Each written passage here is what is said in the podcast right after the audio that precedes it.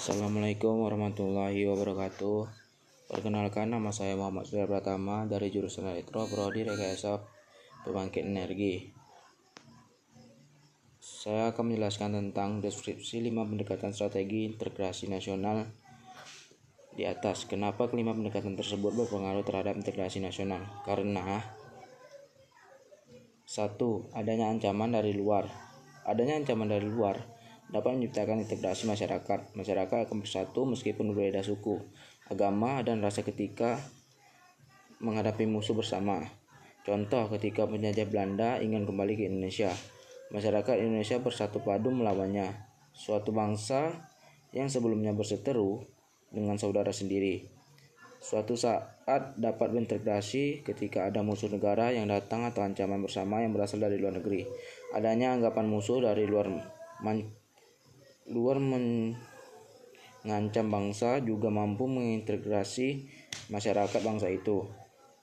Kedua, gaya politik kepemimpinan gaya kepemimpinan. Gaya politik kepemimpinan para pemimpin bangsa dapat menyatukan atau mengintegrasikan masyarakat bangsa tersebut. Pemimpin yang karismatik diintai rakyatnya dan memiliki jasa-jasa besar umumnya mampu menyatukan bangsanya yang sebelumnya tercerai-berai. Misal Nelson Mandela dari Afrika Selatan, gaya politik sebuah kepemimpinan bisa dipakai untuk mengembangkan integrasi bangsanya. Ketiga, kekuatan kekuatan lembaga-lembaga politik kekuatan lembaga-lembaga politik misalnya birokrasi juga dapat menjadi sarana pemersatu masyarakat bangsa. Birokrasi yang satu dan padu dapat menciptakan sistem pelayanan yang sama baik dan diterima oleh masyarakat yang beragam.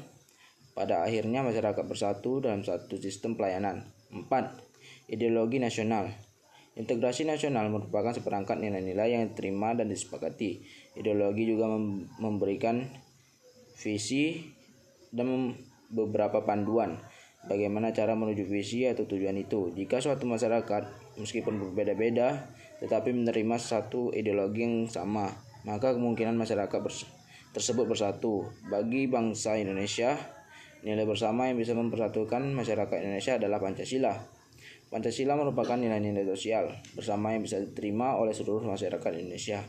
Nilai-nilai bersama tidak harus berlaku secara nasional. Di beberapa daerah di Indonesia terdapat nilai-nilai bersama.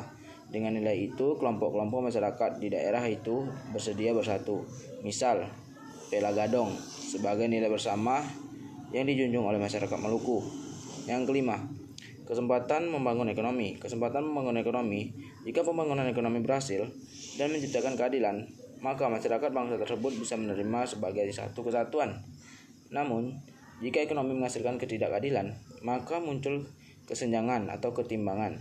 Orang-orang yang dirugikan dan miskin sulit untuk mau bersatu atau merasa satu bangsa dengan mereka yang diuntungkan serta dapat mendapatkan kekayaan secara tidak adil.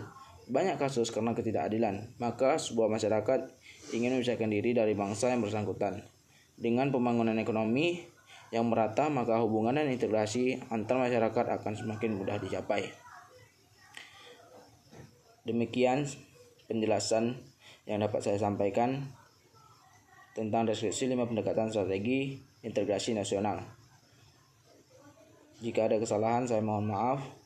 Wassalamualaikum warahmatullahi wabarakatuh.